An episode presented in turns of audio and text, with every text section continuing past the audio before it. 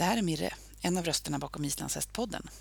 Förutom podden så driver jag en verksamhet där jag erbjuder hästfotografering, både för privatpersoner och företag, men även olika temakurser, till exempel hästkurs för hästrädda, där jag kombinerar min instruktörs och unghästutbildning med min utbildning som läkare med inriktning i psykiatri och kognitiv beteendeterapi.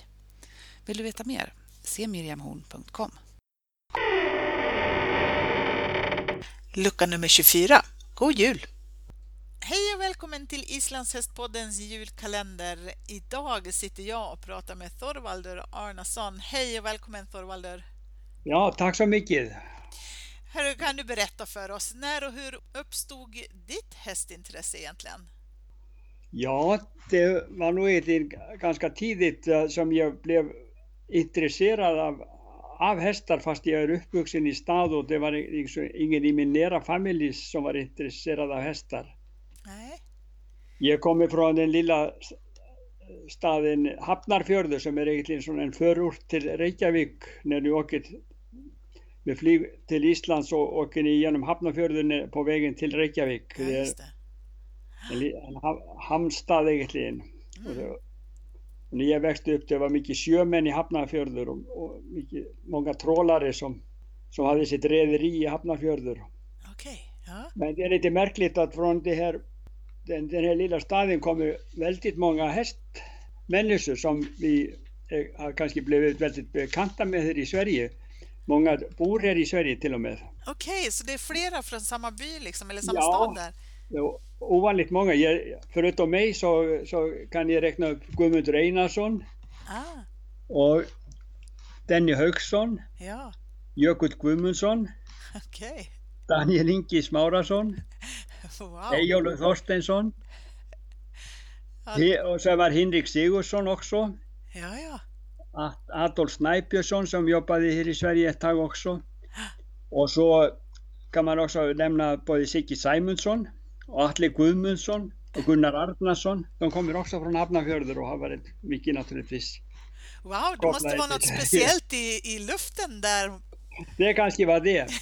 Men sen, sen började jag ganska tidigt att vara ute på landet som ett sommarbarn och där, där fanns hästar. Ja, Och sen tror jag också att det var en stor vändpunkt för mig i, och, och som har haft betydelse, väldigt stor betydelse i mitt liv att en gång när jag var liten, jag kanske var nio år, hade, jag var inte så tidigt att lära mig att läsa men när jag började läsa så var jag eh, så läste jag väldigt mycket okej. och eh, min pappa kom, kom från bokrean med två böcker som hette Hortnir Góðhästar Okej. Och det var en gammal man som var uppväxt på Norrlandet som skrev om norrländska hästar som, som var alla döda. Mm. Och det här, han skrev det egentligen sam, samtidigt, ja, de någorlunda samtidigt som jag föddes. Jag är född 1948.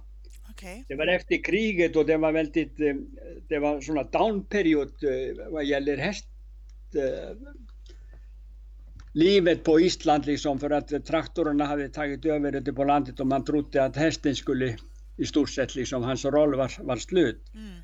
Men det var några, det var egentligen eh, lite särsinniga mä- människor som, som, som hade intresse för, för hästen liksom och, och vi vet alla vad som har hänt med isländska hästen efter detta liksom att nu det vart ingen risk att han blev utrotad utan tvärtom. Nej, Den blomstrar som aldrig förr. Ja.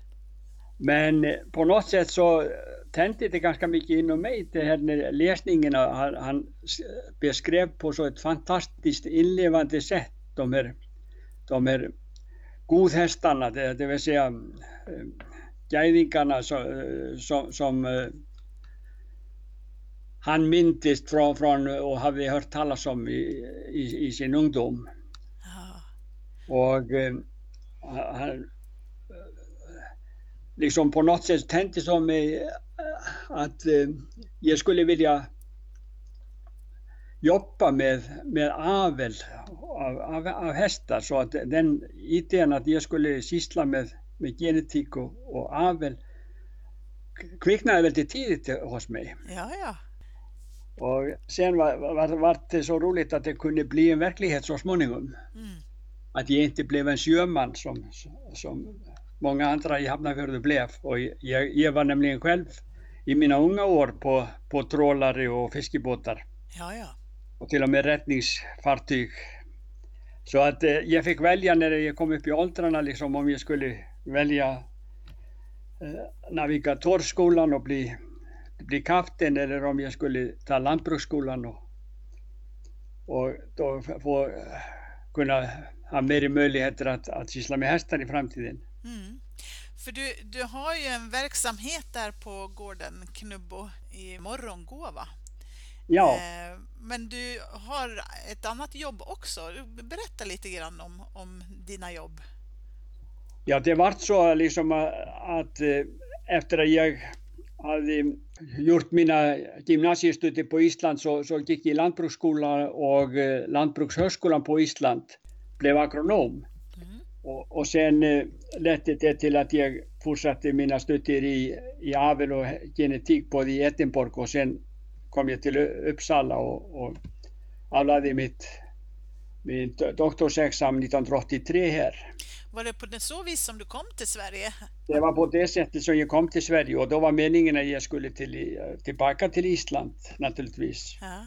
Och egentligen var jag inriktad på att jag skulle bli, jobba med hästaveln på Island, kanske bli hästavelskonsulent där. Mm. Men det blev så att jag träffade Eva och, och det var så att, att jag stannade i Sverige och började jobba på SLU istället. Ja. Men sen hade jag så mycket arbete med att införa pluppmetoden i olika hästraser, både i islandshäst och, och travare och till och med svenska ridhästar. Så att och, och, det tog så mycket tid egentligen från min forskning liksom att, att göra de här programmen som behövdes för att göra de här beräkningarna och utföra dem. Datorerna inte hade sådana väldigt stora kapacitet men det krävdes mycket programmeringsarbete Mm. Och kunskap Mm. som jag hade i alla fall skaffat mig och så att jag bildade eget företag. Mm. Sagde upp min forskartjänst på Ultuna och började jobba hemma istället med, med PC bara här hemma. Ja, precis. Och eh, sen har det varit så att jag har haft uppdrag både från ja, islandshästarna och, och travsporten, svenska travsporten. Okej. Mm. Och då är jag fortfarande ansvarig för, för att räkna avelsindex för svenska travare. Okej. Det är du som ligger bakom det här med bluppen, visst är det så? Ja, det är så. Ja. Jag var den första som, eh, i världen som, som tillämpade den här individmodellen för att räkna avelsindex på, på djur och, och, och det råkade vara islandshästen. Ja, precis. Och det finns faktiskt ett helt program på podden om bluppen eh, där du berättar mera ingående om den som vi kan rekommendera för den som är nyfiken. Ja, Men du, Knubbo då? Knuppo är en gård, det var Evas föräldrars eh, gård så, och eh, vi tog över den här gården i slutet av 80-talet. Mm. Och jag köpte, hade, jag ägde ett som jag tog då över till Sverige och sen köpte jag tre ytterligare ston på Island. Men egentligen är det bara tre av dem som har satt någon spår i, i, i våran avel. Okej. Mm. Vilka är det då? Ja, det var, för, för, först var det den här Blesa som vi, vi var mitt sto som, som jag ägde på Island. Och hon var efter sorta från Svaðastaðir, ett eh, sto av Svaðastaðistam efter Rauður från Kolkósi Mm. och, och sen var hon efter Sirki från Torfastöður staðir som var undan Sunna från Kirkjubær och og Rapp från Holtsmúla Okej. Mm. og um, undan Blesa så fi- fick jag Freja med mökkur Mm. och sen hade jag några stor nu, t- till exempel Frisk från Knubbo som är efter som är undan Freja Mm. och nu är jag alltså inne på ja, fjärde generationen Mm. och sen fick jag Þyrnir efter efter Þyrla från Þversbyrnu ett stor som jag köpte och hon var efter nattfari från Ytra Dalsgerði eh, mamman Och sen var det ett sto som heter Hugrun från Räppolar. Hon har också lämnat bra egen nu Dögun som, som härstammar från henne. Dögun upp och, och ja, dag, Dagstjärnan till exempel utan henne. Och nu har vi några, vi har faktiskt fått åtta ston i rad. Så att vi har en hel del ungston på gården och en del är nu i inredning och en del ska kanske visas i vår. Och, eh, och sen det, har vi både två och treåringar på gården som, som ser bra ut. Ja, vad spännande. Tar du hand om inridningen själv eller? Jag gjorde inte nog men eh, jag har faktiskt eh, lämnat mina hästar på inridning hos Teres Tengelsen de sista åren. Ja, ja. Och jättenöjd med det. Mm, kul.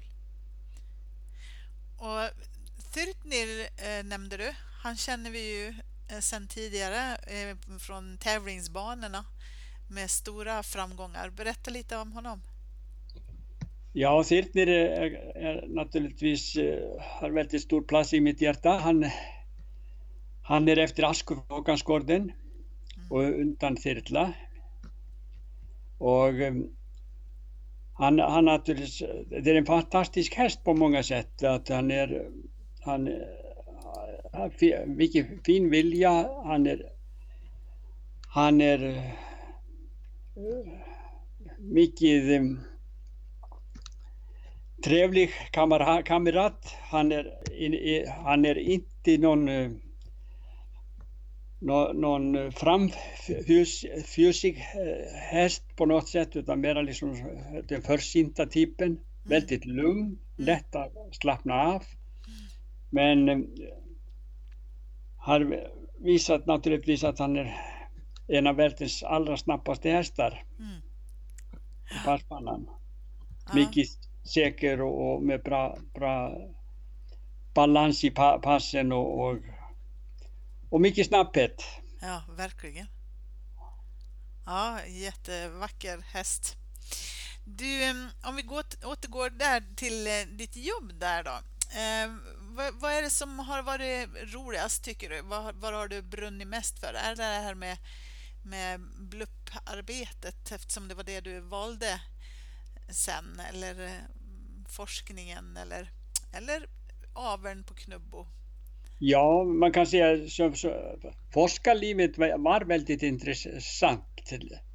Det var väldigt roligt att, att forska och, och eh, fördjupa sig i, i genetik och statistik och, och programmering att eh, det, det, tog naturligtvis väldigt stor del av min tid. Mm. Det gjorde det också, jag kom väldigt sent igång med mitt tävlande eftersom jag helt enkelt hann inte tillräckligt med ridningen under ett, ett tag utan jag fick ägna mig åt, åt eh, mitt jobb. Mm. Men jag, jag levde väldigt mycket in i det också. Och sen, eh, sen kom, tillkom under en lång tid också eh, friidrotten som jag, jag följde min, min son till, eh, på friidrottsträningarna och assisterade vid att, att träna ungdomar i, i friidrott under en lång tid. Ja, just det. Så, och jag lärde mig mycket av det och faktiskt haft stor nytta av det i träning av mina passhästar. Ja. Du sa att du började tävla sent. Hur gammal var du när du började tävla? Ja, jag var kanske inte så... Jag tävlade i min ungdom. Jag tävlade när jag var på Island och var i Fjelagt Hamningamanna och jag tävlade på Islands, efter, jag tror att det var det första Islandsmotet. Men sen började jag jobba ganska mycket som domare, både på sporttävlingar, började på Island och, och även som avelsdomare och bedömde på avelsbedömningar i Sverige under lång tid. Var ordförande för hingstpremieringsnämnden för islandshästar som då var under lång tid. Så att eh, det tog också tid ja. från, från, mina att reducera mina möjligheter att delta så mycket i tävlingar efter jag kom till Sverige. Men jag tävlade en del på Island innan jag kom hit. Ja, just det. Men sen, sen tappade jag ganska mycket tid i, i, i ridningen och utvecklade inte min ridning under en lång tid. Så att det var egentligen lite för sent som jag började sen att, att vända tillbaka till tävlingsbanorna. Men du gjorde det ändå och det gick ju väldigt bra. Ja, det har gått bra hittills. Ja, ja verkligen. Ja. Du, om det inte hade varit hästar som hade varit din passion, eh, vad hade det varit då? Du pratade om friidrotten där. Ja, jag troligen hade jag, hade jag, det blev, blev friidrott för att jag var ganska lovande friidrottare faktiskt också i min ungdom. Ja. Vad var det för, för um, gren då? Ja, jag har haft eh, väldigt lätt med att hoppa. Okay. Men jag hade även lätt med att springa så att jag, jag kunde också ha utvecklat det. Ja. ja, spännande. På vilket sätt har du vävt in friidrotten i din träning med hästarna? Ja, jag använder mig av samma principer i, i, i träningen och, och, och ja, man kan säga att det finns huvudsakligen två kategorier av träning som, som antingen är det explosiv träning för, för sprint eller, eller hoppning eller kast eller så är det träning för medel eller långdistanslöpning. Mm. Och då, man kan säga i flesta grenar av hästidrott så är det träning för medeldistanslöpare som är det riktiga. Mm. Fast den är inte riktigt om, om man ska träna sprint. Nej, Då ska man träna som, som, som sprint. Och, med, och, och, det är lite annorlunda upplägg i, i, i träningen som gäller för att få det maximala utav hästarna. Mm. Ja, spännande. Du, om du skulle välja någon eller några eh, få hästar som har betytt mycket för dig. Vem eller vilka skulle det vara då?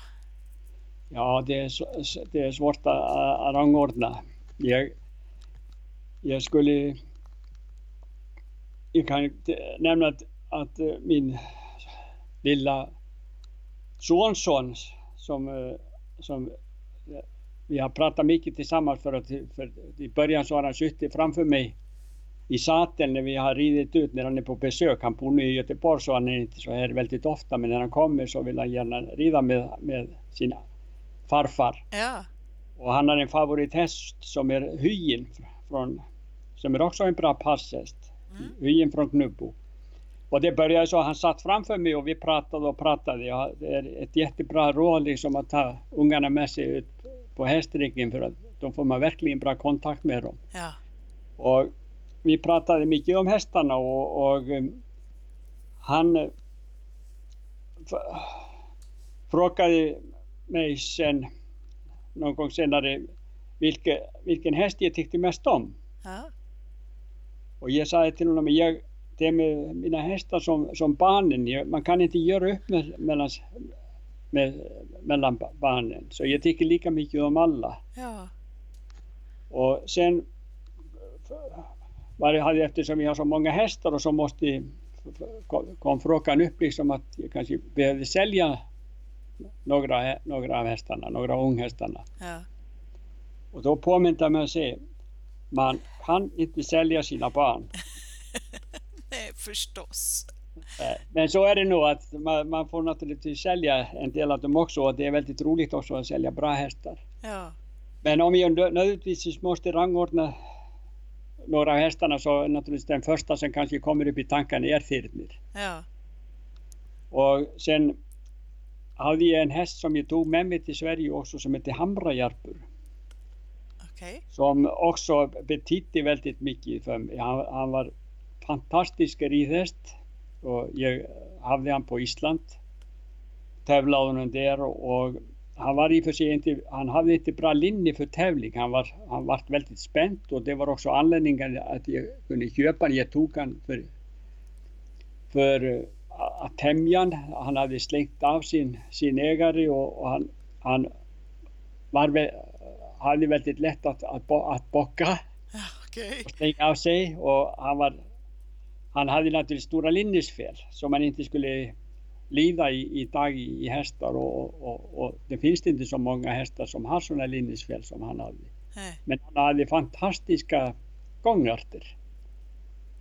Han fick eh, nio både för tölt och, och pass på arbetsbedömning till exempel. Oj, ja. Men han, han, han lärde mig mycket. Var en stor läromästare och kanske inte minst på grund av att han hade såna han var en enmanshäst. ja. Alltså du har ju redan bidragit så otroligt mycket och uppnått så väldigt mycket inom den här islandshästvärlden. Men vad har du för drömmar framöver? Vad är det som driver dig vidare och skulle du vilja bidra med något mer framöver här? Jo, jag hoppas det på, på något sätt men att eh, framför allt är det nog så att eh, jag njuter av det eh, avelsframsteg som har blivit i, i aveln av islandshästen. Det, det är någonting som vi alla som håller på med Island naturligtvis görter, görtar frukterna av. Ja, verkligen. Det har aldrig funnits så många bra hästar som, som man har nu och de här allra bästa hästarna som, som man rider nu dagligen. Jag har fantastiska ston nu liksom, till exempel som jag rider på och, och man kunde bara när man var ung drömma om att ha sådana hästar. Ja, Nu verkligen har man uppfyllt de här förhoppningarna som tändes när man läste de här böckerna som jag berättade här i början ja precis.